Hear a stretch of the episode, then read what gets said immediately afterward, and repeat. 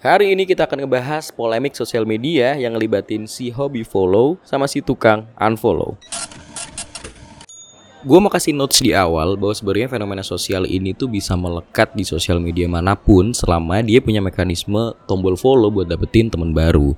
Nah tapi spesifik di bahasan kali ini gue ambil dari satu media sosial yang lagi hangat, Threads. Buat kalian yang main threads, siapa sih yang nggak kenal sama akun-akun salvothreads.id, mutualisme.id, mutualan threads.id, ya pokoknya semua akun yang tujuannya untuk ngajak semua pengguna kumpul di satu tempat dan saling follow antar pengguna satu sama pengguna lainnya. Gue pribadi bakal bilang kalau akun-akun ini tuh ibarat pahlawan tanpa tanda jasa. Di mana pas kita masuk ke thread yang awalnya kita cuma punya followers sama atau nggak semua deh beberapa followers dari Instagram kita tuh ikutan jadi otomatis jadi followers kita. Kita tuh ketemu orang baru sudut pandang baru postingan baru. Jadi akun mutualan itu nyediain satu tempat untuk kita bisa saling follow antar pengguna. Tapi di balik itu ada satu hal yang bikin kesel di mana beberapa orang itu ternyata meskipun dia ikutan nongkrong di sana dia nggak mau follow back atau dia unfollow setelah dia follow back. Jadi selama 4 minggu itu gue amatin dan kesimpulannya ada dua sudut pandang dari fenomena kali ini. Yang pertama dari sudut pandang orang-orang yang suka follow pengguna lain. Dan yang kedua dari sudut pandang orang-orang yang hobinya unfollow.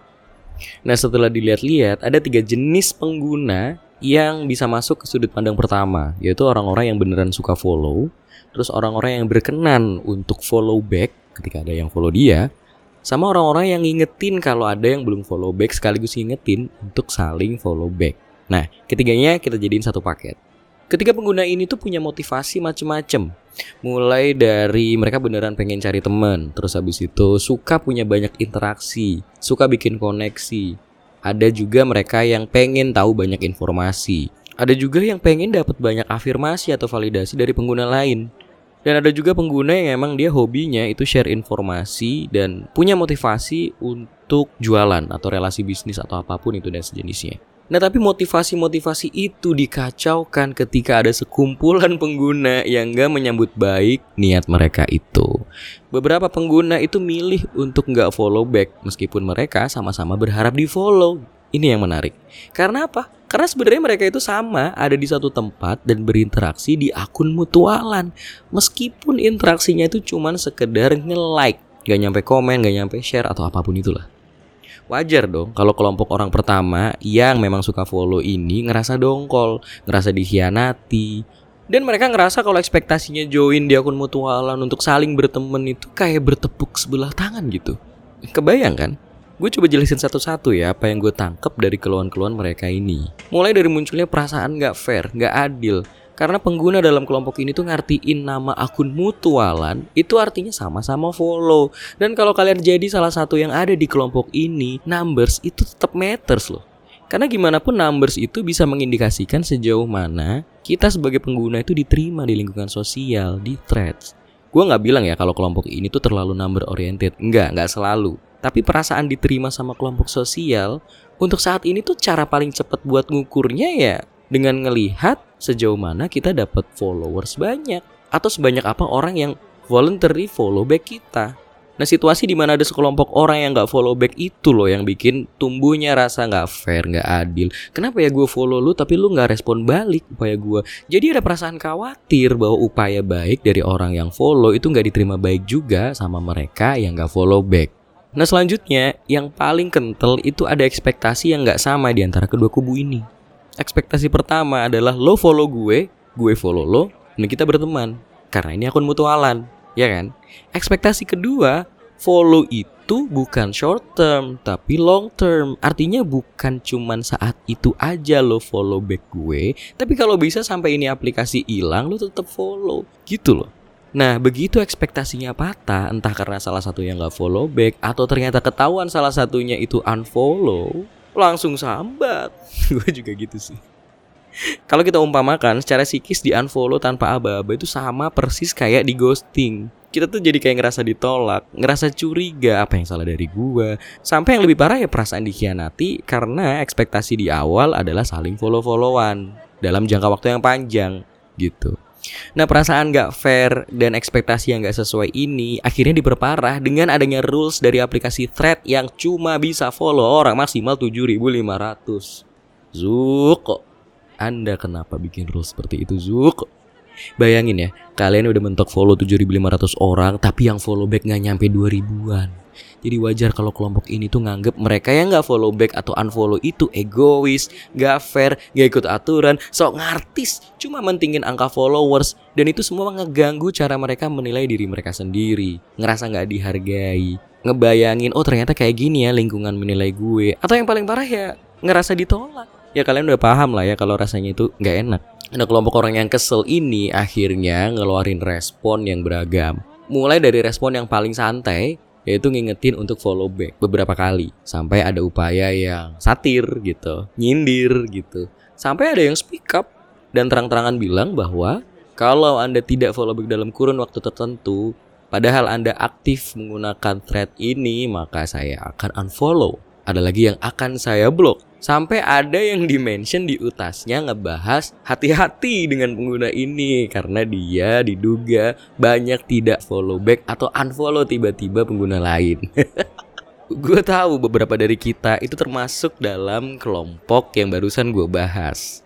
Mungkin beberapa alasannya bisa diterima atau mungkin alasan-alasan tertentu gak masuk di kalian. Tapi sebenarnya penting loh buat tahu dan paham alasan-alasan apa yang bisa aja dipakai sama temen-temen yang belum follow back kalian sampai sekarang atau diem-diem unfollow kalian.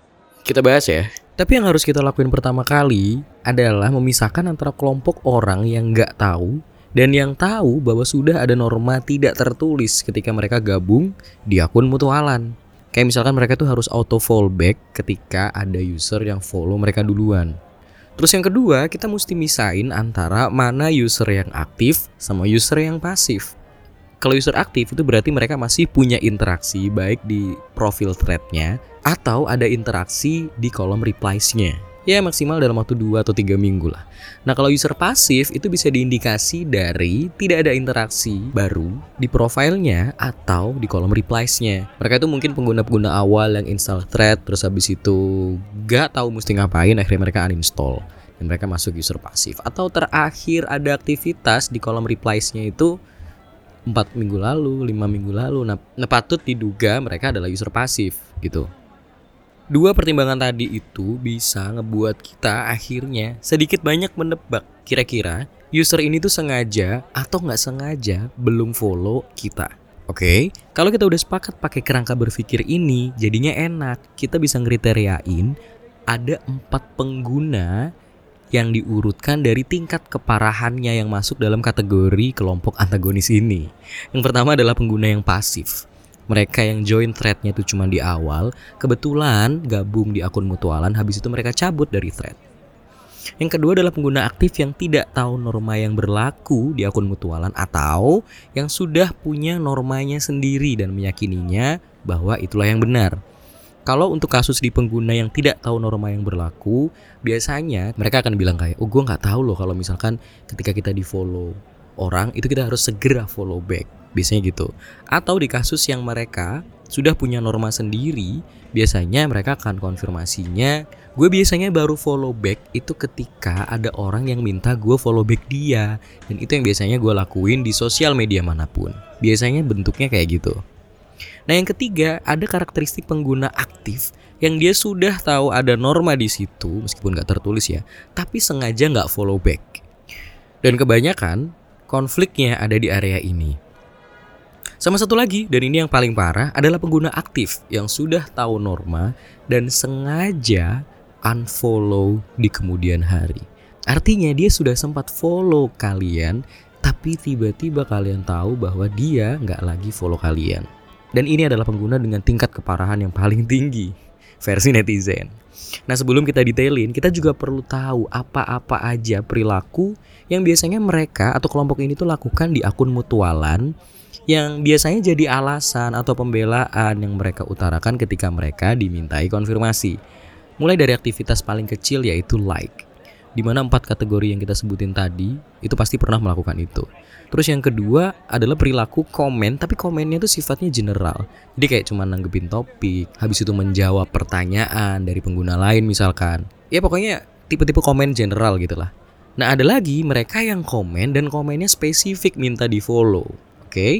Dan yang keempat, komennya minta di follow bukan cuman di komentar utasnya tapi di komentar komentarnya pengguna. Ngerti nggak? Kebayang nggak maksudnya?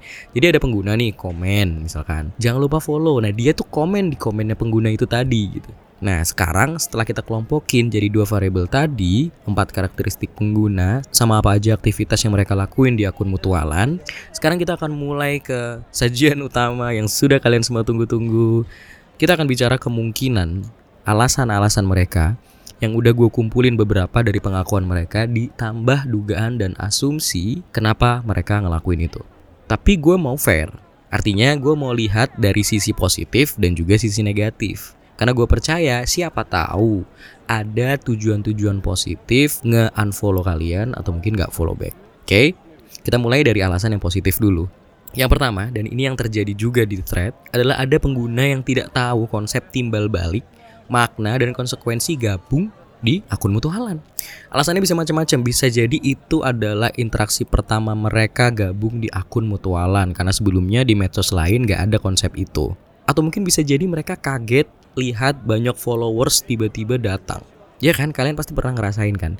Sehari cuman posting, jangan lupa follow back, di sore hari kalian buka udah nambah 150. Bukan gak mungkin ada orang yang kaget lihat fenomena itu. Nah itu ngelit ke alasan berikutnya di mana mereka nggak tahu bahwa ada keharusan untuk follow back orang sebanyak itu tiba-tiba. Atau mungkin mereka nggak tahu bahwa si admin mutualan itu punya aturan kalau kalian nongkrong di sini harus follow back gitu. Atau mungkin mereka tahu tapi mereka tahunya terlambat di saat sudah ada ribuan orang follow dan mereka belum sempet follow back. Mungkin dong. Atau mungkin ditambah mereka punya pengalaman pernah di limit, jadi nggak mungkin ngefollow orang secara bersamaan kebanyakan atau mungkin notifnya ketumpuk atau alasan-alasan positif lainnya yang bisa kita bayangkan. Nah yang kedua mungkin karena mereka terlewat karena sebelumnya mungkin mereka sempat gak aktif atau sempat kena limit kayak yang tadi kita singgung. Biasanya ini dialami oleh pengguna yang sempat nongkrong di awal-awal install thread terus habis itu mereka mereka rehat sebentar seminggu dua minggu balik lagi tiba-tiba udah 2000 bisa jadi dong kan sudut pandang positif gitu Kemungkinan kedua adalah barangkali ada pengguna yang emang selektif untuk ngejaga feed konten yang muncul di beranda threadnya biar tetap relevan dan sesuai sama preferensinya dia. Mungkin dia sadar kalau algoritma thread itu masih kacau. Dia mungkin punya kekhawatiran kalau dia follow terlalu banyak orang, nanti si algoritma ini akan kesusahan untuk mempelajari dia, mempelajari kebiasaan dia gitu loh. Harusnya ada dong orang yang mempertimbangkan itu di luar sana ya kan? Kan namanya juga perspektif positif kita berbaik sangka ya gak? Terus ada lagi kemungkinan yaitu ada orang-orang yang bisa jadi pengen fokus sama orang-orang dekat atau orang-orang di lingkungan realnya. Atau mungkin mereka juga punya preferensi konten tertentu untuk diikuti. Misalkan ada orang yang fokus pengen ngikutin akun-akun quote. Kayak siapa tuh? Nah ada juga orang yang mungkin pengen fokus ngikutin akun-akun berita online. Jadi dia nggak masalah diikuti banyak orang, tapi dia mungkin akan bermasalah ketika mengikuti akun yang tidak sesuai sama kesukaan dia. Yang selanjutnya bisa jadi dia itu berubah pikiran. Mungkin sebelumnya dia berpikir mungkin ya kuantitas tuh lebih baik, semakin banyak follower atau semakin banyak gue following orang, semakin rame ini thread. Tapi setelah beberapa waktu, ditambah dengan pertimbangan algoritmanya si thread ini yang kacau, dia mikir ulang, kok kayaknya lebih baik gue itu ngefollow orang-orang yang emang berkualitas aja. Dan gue salah kayaknya ambil keputusan untuk mengutamakan kuantitas gitu mungkin. Atau ada lagi barangkali dia itu memang mengenali dirinya sendiri. Dia tahu banget kapasitas dirinya dalam bersosialisasi. Dia tahu batasan kapan dirinya itu capek kalau dia kebanyakan berinteraksi secara sosial atau mungkin dia tuh capek atau dia takut kalau dia dapat reaksi dari banyak orang secara sekaligus dia nggak siap dapat boom like atau dia nggak siap mungkin komentarin sama orang lain dan gimana kalau kita cukupkan sampai di sini biar vibe-nya tetap positif enggak, enggak. Tidak semudah itu Ferguson. Justru bagian inilah yang paling ditunggu oleh mayoritas. Padahal diri saya sendiri sebagai upaya untuk sambat. Jadi ini adalah rekapan kemungkinan negatif yang gue temuin sendiri di thread dan juga asumsi dan prediksi gue kenapa orang-orang ini ngelakuin perilaku nggak mau follow back atau unfollow diam-diam. Yang pertama, mereka mungkin terjangkit sama yang namanya narsisme atau secara ekstrim mereka ingin jadi pusat perhatian orang, terutama ketika ada di depan umum. Mereka tuh kayak terobsesi dengan dirinya sendiri, terus kayak ada perasaan bahwa angka followers itu semata-mata hanya karena semuanya suka padaku. Atau mungkin bahasa netizennya yang kita kenal, yang kita sering baca di thread adalah sok ngartis mereka tuh suka cari perhatian di awal dan ujung-ujungnya melebih-lebihkan pencapaian mereka sendiri. Dalam case ini, ketika mereka nggak mau follow back, maka angka followers itu jadi kebanggaan tersendiri buat mereka. Atau setengahnya itulah mereka yakini sampai sekarang. Ada sensasi pengen jadi superior gitu. Dan mereka tuh kayak ngerasa lebih dibutuhkan kalau punya banyak followers dan sedikit ngefollow orang. Terus kemungkinan kedua adalah mereka pengen terlihat eksklusif. Ada kemungkinan mereka tuh sengaja ngebatesin jumlah akun yang di follow untuk menciptakan kesan eksklusif dan terpilih, tapi nggak organik. Nah mereka mungkin terbiasa sama citra bahwa ngefollow banyak orang itu artinya jadi orang yang gampangan atau jadi orang yang biasa-biasa aja atau jadi orang standar. Artinya dengan tidak ngefollow banyak orang mereka akan jadi lebih eksklusif, jadi orang khusus, jadi orang yang berbeda mereka tuh kayak apa ya? Kayak berusaha untuk bertahan pada keyakinan yang kolot yang bilang kalau orang penting itu adalah orang yang diikuti banyak orang dan sedikit mengikuti orang.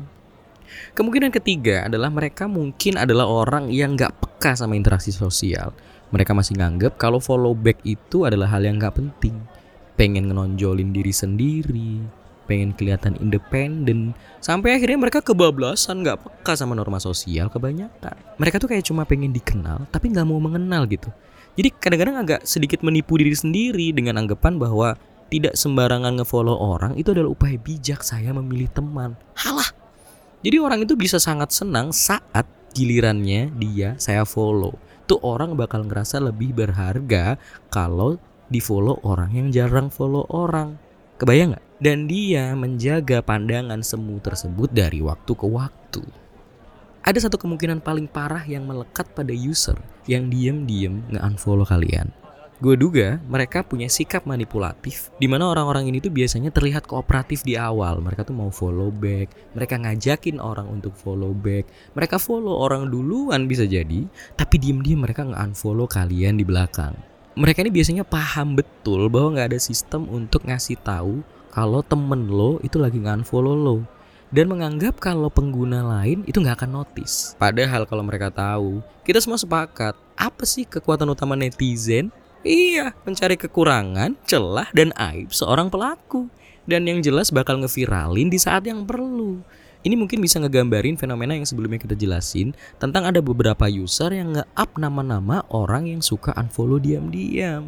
Padahal ya, kalau kita mau lebih teliti, banyak pendekatan kolot yang harusnya itu udah mulai diubah. Balik lagi ke konsep dasar sosial media, di mana dia itu jadi ruang pertemuan yang praktis buat orang asing tanpa mengenal jarak dan waktu. Dan spesifik di thread, gue bilang kalau angka itu tidak jadi komponen paling penting. Dan yang paling penting adalah interaksi. Karena cuma ngandelin angka dan minim interaksi bakal bikin kalian cepet bosen. Yakin? Atau kalian bisa tanya sama orang-orang yang sekarang udah gak main thread tapi sangat antusias di minggu-minggu awal.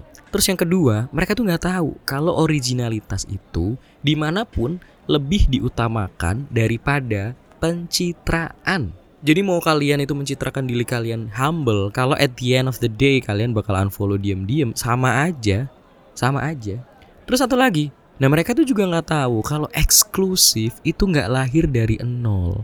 Mereka itu berawal dari inklusivitas dan bergeser pelan-pelan karena ada karya, ada pencapaian, dan itu ngebuat kesan eksklusifnya melekat secara organik, bukannya malah diada-adain dari awal.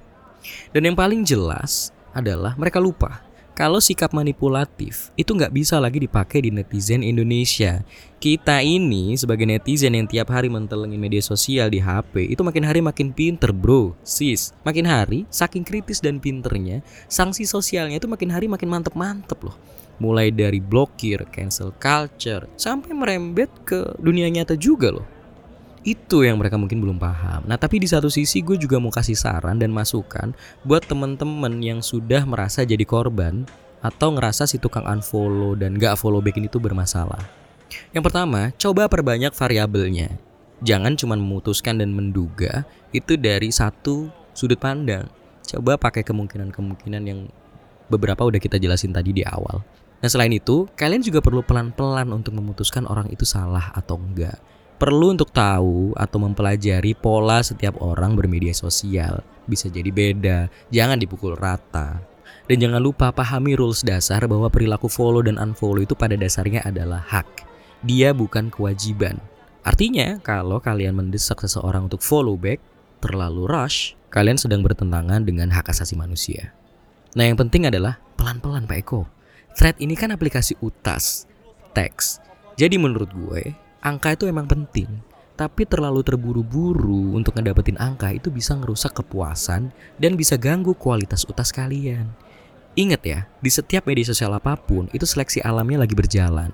Mereka yang gak suka akan menjauh dan tanpa perlu dipanggil mereka yang suka juga bakal ngedeket kok. Satu lagi, gue juga punya saran buat para pahlawan tanpa tanda jasa kita yaitu akun mutualan di thread. Coba deh masukin norma bersama di sebuah lini kayak misalkan di bio, di setiap postingan utas atau mungkin di DP kalian yang tujuannya itu untuk ngasih tahu orang yang belum tahu atau ngingetin mereka tentang adanya aturan ini. Nah yang selanjutnya coba dengerin atau perhatikan atau mungkin baca keluhan pengguna gitu yang mereka punya indikasi jadi korban atau pelaku. Pasti nggak sekali kalian dikira adalah bot. Saking konsistennya kalian untuk bikin utas ngajakin orang follow. Di satu sisi bagus, konsistensinya oke. Okay, tapi di satu sisi kalian mungkin bakal dikira bot. Iya nggak? Dan yang terakhir, coba terapin sistem reward and punishment secara bijak. Pastikan kalian ngasih reward orang-orang yang suka mampir, yang kooperatif. Caranya bisa macam-macam, bisa dengan mention namanya, terus sering mampir di utasnya, atau mungkin kolaborasi dalam bentuk-bentuk lain lah. Tapi di satu sisi, selain reward, kalian juga perlu ngasih sanksi sosial secara bijak. Jadi pastiin pengguna itu menjalankan aturan yang kalian bikin dan ingetin mereka secara berkala ketika nggak melakukan aturan itu. Kalau memang diperlukan, kalian bisa tegur atau kasih sanksi secara bertahap, secara bijak ya. Pastikan user itu tuh nggak lagi kena limit dan masih bisa follow orang, artinya followersnya masih di bawah 7500. Dan bukan nggak mungkin kalian ngasih sanksi yang paling keras yaitu blok pengguna yang bermasalah supaya nggak bisa lagi join di akun mutualan kalian. Oke, dan ini adalah hasil pengamatan gue selama 4 minggu ke belakang karena makin hari makin banyak keluhan dan makin banyak social justice warrior mulai naik ke permukaan. Artinya fenomena itu udah makin penting untuk diketahui lebih banyak orang sehingga mereka bisa punya alternatif untuk memahami apa yang sedang terjadi di thread hari ini.